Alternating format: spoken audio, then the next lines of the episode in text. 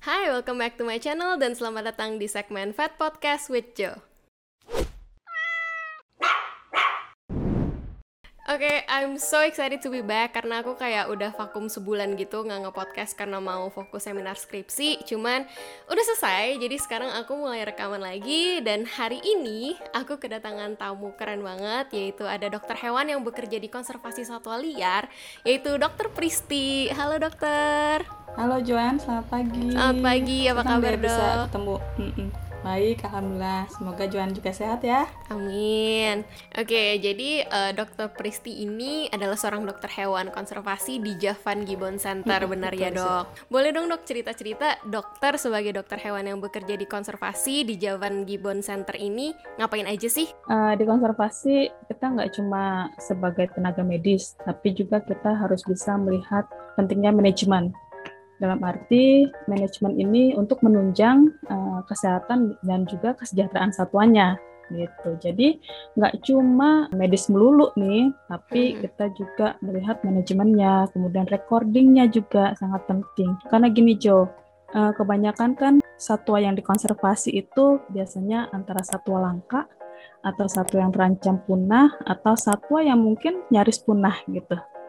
Jadi recording itu sangat penting Kenapa? Karena dari situ kita bisa melihat apa sih keunikan dari satwa ini, kemudian bagaimana kita nanti bisa kalau misalnya ada sesuatu yang kasus sebelumnya ada gitu kan, menangani kasus selanjutnya kita lebih uh, lebih baik lagi gitu. Jadi hal-hal semacam itu uh, krusial banget di konservasi. Dan memang yang sekarang ini pengennya sih bisa nulis ya karena kalau nulis itu kan hmm. jadi berbagi ke ke banyak uh, orang gitu baik umum maupun hmm. uh, yang satu profesi. Uh, setahu saya dokter juga S2 primatologi ya dok? Iya betul karena memang uh, untuk mendukung juga kan keahlian dan keilmuan di bidang uh, primata karena saya kan bekerjanya dengan owa Jawa hmm. jadi uh, saya menekuni itu di, uh, menekuni ilmu yang baru lagi buat saya gitu jadi buka lagi nih wawasan baru lagi oh iya ternyata primata itu seperti ini gitu jadi nggak cuma sekedar owa Jawa yang saya tekuni tapi juga banyak primata lain yang yang bisa dipelajari di bidang itu. Mm-hmm. Gitu Joan. Hmm. Berarti dokter sendiri kerja di konservasi satwa liar itu emang passion dari dulu gitu kali ya dok? Sebenarnya gini Jo, awal saya lulus itu saya nggak nggak kepikiran ya bakal kerja mm-hmm. di konservasi. Memang dulu sempat ikut himpro satwa liar, ada kan oh, ya? Iya. Ah ya, saya dulu uh, anggota di himpro satwa liar. Setelah lulus nggak tahu nih mau ke mana dan akhirnya dapat kerjaan di manajemen gitu. Jadi oh. sama sekali nggak pegang hewan waktu itu di situ. Oh. Nah dan sekian tahun bekerja terus ada senior yang ngajak uh, terus temenin dong uh, aku ada ini nih cek hewan di sini gitu kan di Javan Gibbon Center. Mau nggak nemenin? Ayo gitu kan. Jadi mm-hmm. sekalian sekalian apa main tapi bermanfaat gitu waktu itu. Iya yeah, iya. Yeah.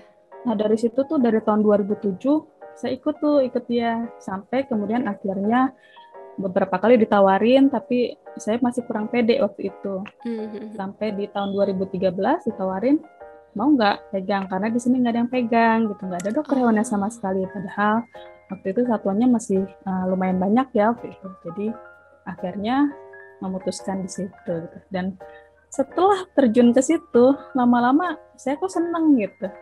Saya senang dengan uh, apa dengan suasananya dengan satuannya dengan kerja timnya. Jadi uh, semua itu apa ya uh, ya jadi bikin senang aja bikin betah gitu di sana. Wah keren banget ya kedengarannya. Kemarin kan waktu saya pertama menghubungi dokter kan dokter ada sempat bilang konservasi yang satu spesies sama ada yang banyak maksudnya pegang banyak spesies gitu.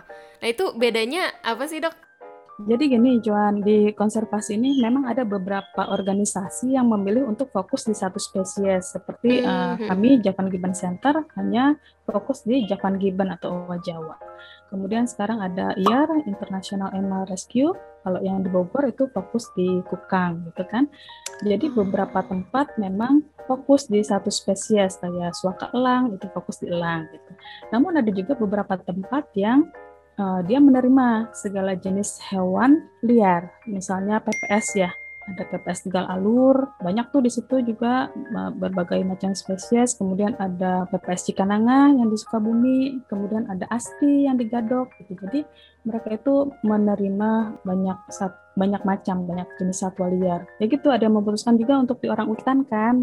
Gitu. Jadi khusus di orang utan. Terus ada kalaweit, kalaweit juga ada yang di Owa, khusus Owa, Sumatera, Kalimantan ada mereka. Tapi berarti untuk tujuan konservasi sendirinya itu juga beda-beda ya dokter. Ada yang memang melindungi uh, hewan langka, ada juga yang untuk pelepas liaran gitu ya dok. Tujuannya sebenarnya sama ya kalau untuk konservasi ini kan kita konserv artinya kita uh, apa ya? Menjaga uh, gitu ya. Menjaga betul. Kita menjaga hewan ini supaya tetap ada. Gitu.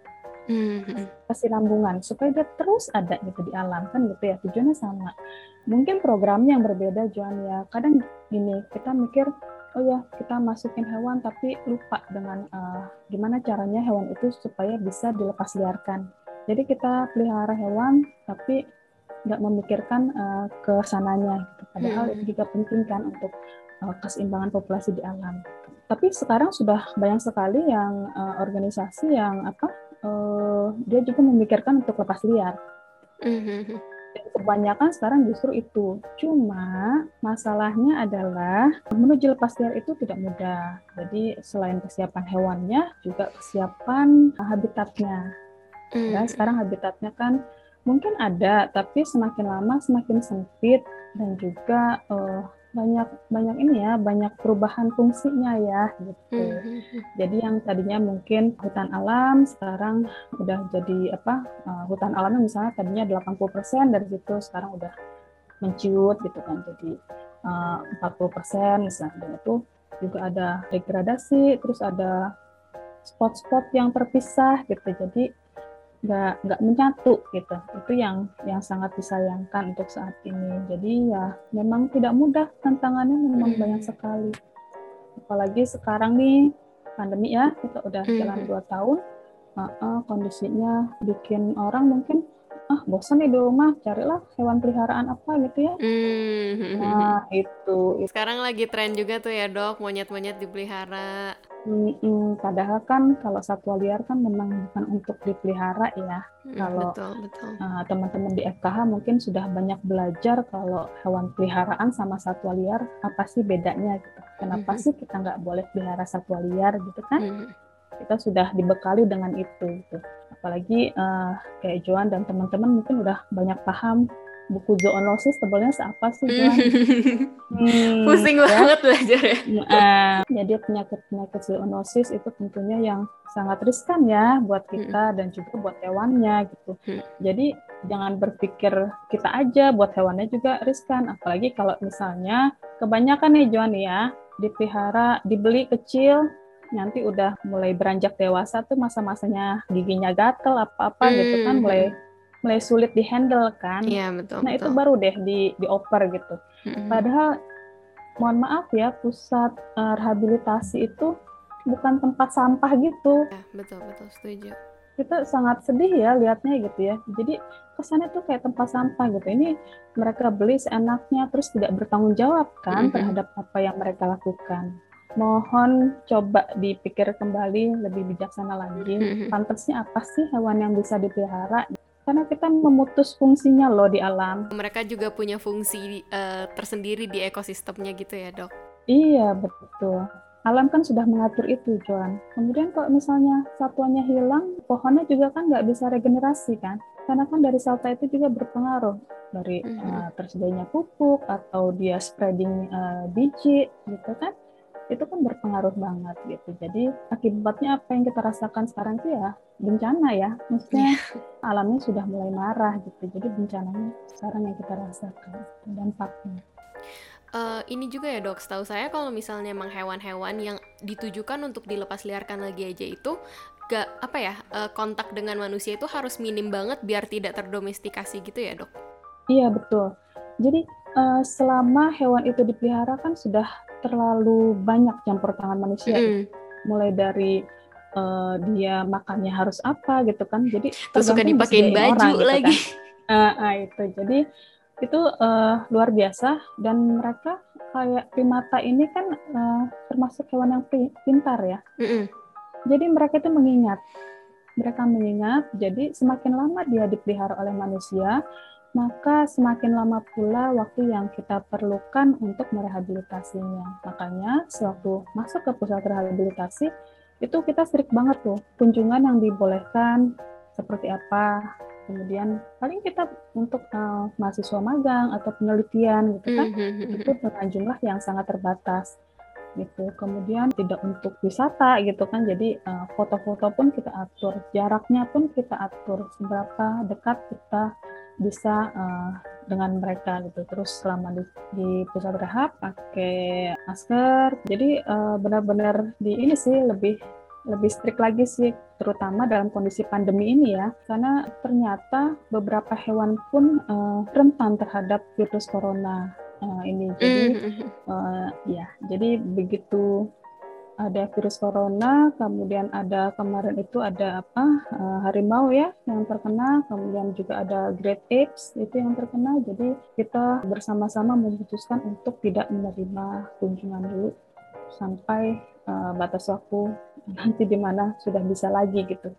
Memang strict banget Jo. Uh, apa selain itu dari KLHK juga kan belum menganjurkan kan untuk men, uh, menerima kunjungan atau uh, kegiatan kayak penelitian atau magang gitu. Jadi ya kita ikuti aturan itu dan memang kita jaga uh, dari apa uh, hewannya ya untuk uh, dia bisa tetap sehat di masa-masa ini. Gitu. Oke, dokter boleh dong diceritain uh, suka dukanya apa bekerja tuh? di konservasi apa sih dok? Terus benar nggak sih dok kan orang-orang mikir nih kalau misalnya dokter hewan konservasi nih kerjanya di hutan aja nggak ada sinyal segala macam tuh benar nggak sih dok?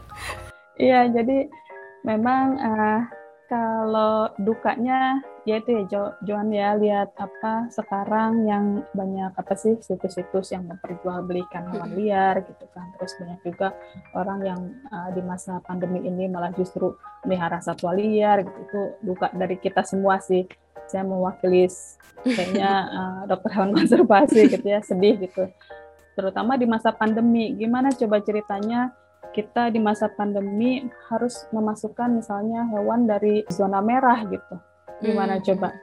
Itu kan uh, resikonya tinggi sekali gitu. Kalau yang punya tempat khusus ya mungkin bisa karantina di tempat khusus, tapi kebetulan banyak juga yang tidak punya tempat khusus, tapi kita harus tetap menerima. Nah, ini akan membawa resiko baik buat satwa yang ada di tempat kami, kemudian satwa yang baru datang itu juga, atau staf atau pekerja kami kemudian habitat juga kita mau lepas lepas liar nih mau di mana ya? Habitatnya makin susah nyarinya. Kemudian ancamannya juga uh, ternyata masih tinggi juga gitu kan. Perannya masih bocor terus nih. Mm-hmm. karena eh, nggak uh, apa masih banyak orang yang uh, mencari rupanya.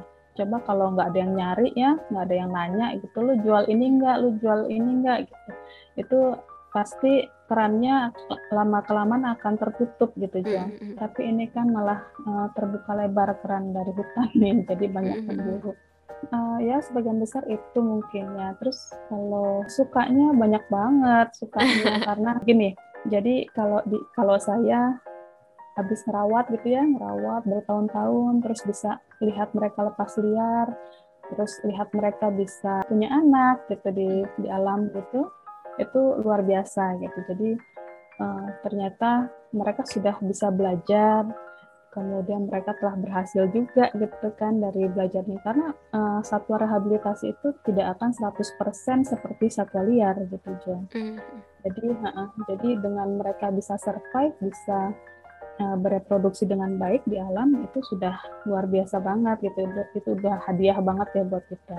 Kemudian banyak juga uh, ilmu-ilmu yang kita dapat ya. Jadi uh, teman-teman di konservasi satwa liar sangat enak loh. Jadi uh, senang berbagi gitu. Jadi kalau misalnya ada apa ya, uh, Mbak, uh, ini ada capacity building mau ikut nggak gitu. Jadi mm-hmm. ikutan, iya. Jadi uh, uh, uh, suka ikutan gabung. Terus ada apa kemarin tuh beberapa tahun ikut di OVAC. Jadi grup untuk yang orang hutan tapi kita dari uh, awak pun bisa ikut gitu. Mm-hmm. Nah itu uh, luar biasa. Jadi ketemu banyak orang, ketemu uh, dapat ilmu baru gitu kan. Uh, sukanya sih gitu. Terus kalau pas di hutan ya menikmati aja ya. Oh tapi berarti benar ada ke hutan gitu ya dok? Pasti ke hutan. Iya sih. Jadi uh, uh, pasti sih ke hutan Joan karena kan memang sekarang kondisinya aja lokasi kandang aja kan sudah di pinggir hutan ya kalau JGC oh, sendiri. Iya, iya, Terus kalau orang ya. hutan juga kan uh, pastinya di hutan. Terus ada uh, jungle school gitu kan. Oh. Tuh.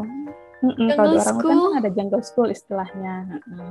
Terus uh, ya memang pasti ada di hutannya.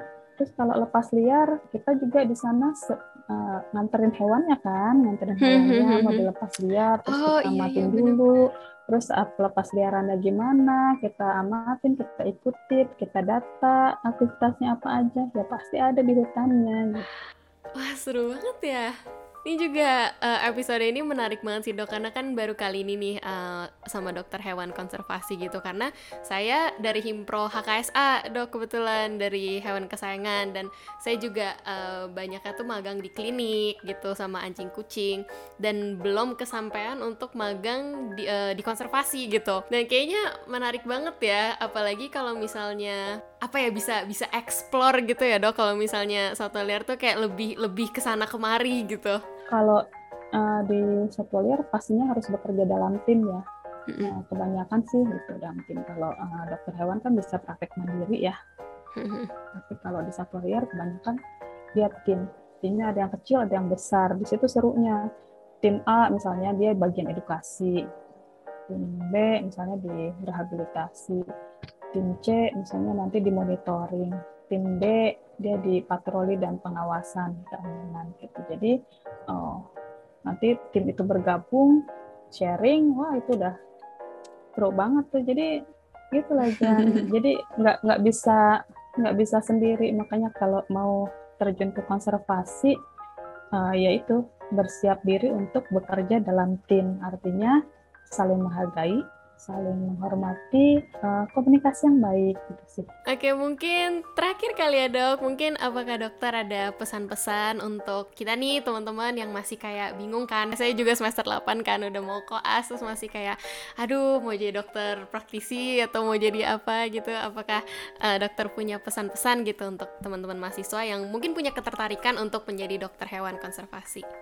Iya, pesannya sih gini jadi selama jadi mahasiswa nikmatin lah itu uh, apa ya uh, ini uh, pengalaman pribadi saya ya dulu saya suka aduh bosen nih sama ini gitu aduh apalanya banyak nih ternyata itu manfaat banget obat-obatan gitu kan farmakologi apa sih ini? gitu kan singkatannya apa sih gitu ya itu memang nantinya akan kepake gitu. Terus yang perlu diasah sih memang skill nih ya dari uh, saya waktu fresh graduate sampai sekarang itu saya masih uh, terus mengasah skill karena uh, itu memang penting banget dan sangat kepake gitu di lapangan. Terus juga uh, sama satwa liar itu kita harus tenang. Nah, pasti kita harus tenang apa pun kondisinya, kita harus tenang itu.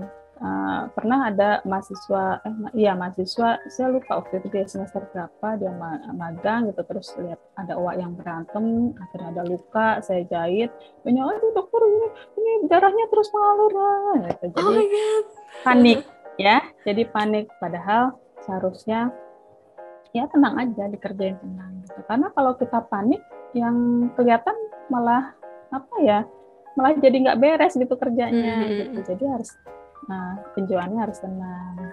Terus juga harus bisa bekerja dengan cepat. Cepat, tenang, tapi teliti ya. Pengalaman saya sih uh, dari ini, kemampuan kita membaca atau inter interpretasi hasil hasil-hasil lab ya. Itu itu juga penting sekali. Mm-hmm. Jadi, tapi itu nanti bisa di inilah bisa di apa? bisa dipelajari lebih lanjut bukan dengan magang di lapangan praktek atau magang di tempat-tempat lain gitu. Yang harus dipersiapkan sebenarnya mentalnya aja, terus hmm. harus tenang jiwanya, terus juga harus uh, respect satu sama lain. Kalau bekerja di tim kan nggak boleh egois ya, jadi harus bisa bisa mendengarkan kenapa kenapa meskipun kebanyakan sih dokter hewan uh, biasanya dia akan menduduki jabatan tertentu lah gitu di situ. Tapi bukan berarti kita sombong ya. Nah, di situ tentunya kan ada tanggung jawabnya, Joan. Gitu. Menjabat uh, menduduki jabatan itu kan ada tanggung jawabnya. Betul, betul. Itu yang yang harus diingat gitu. Jadi tanpa uh, perawat satwa pun kita nggak bisa melakukan apa pun kok kalau sendiri gitu ya. Betul, Jadi betul. tanpa teman-teman yang lain uh, dalam tim itu kita bukan apa-apa. Terus ada juga satu hal lain yaitu yang sangat penting itu etika. Mm. Etika ya di mana pun kapan pun harus menjaga etika baik uh, etika ke orang lain maupun etika sesama profesi dokter hewan itu sangat penting ya kalau di konservasi nih kita pasti nanti seringnya ketemu itu itu lagi orangnya mm-hmm. mungkin di uh, organisasi berbeda tapi ketemunya dia lagi dia lagi dia lagi dia lagi ya betul. Makanya jalin networking yang bagus ya Uh, terima kasih banyak ya dokter. Sekali lagi ini saya juga terima kasih ke dokter Mary yang udah ngerekomendasiin dokter. Katanya beliau idola saya banget.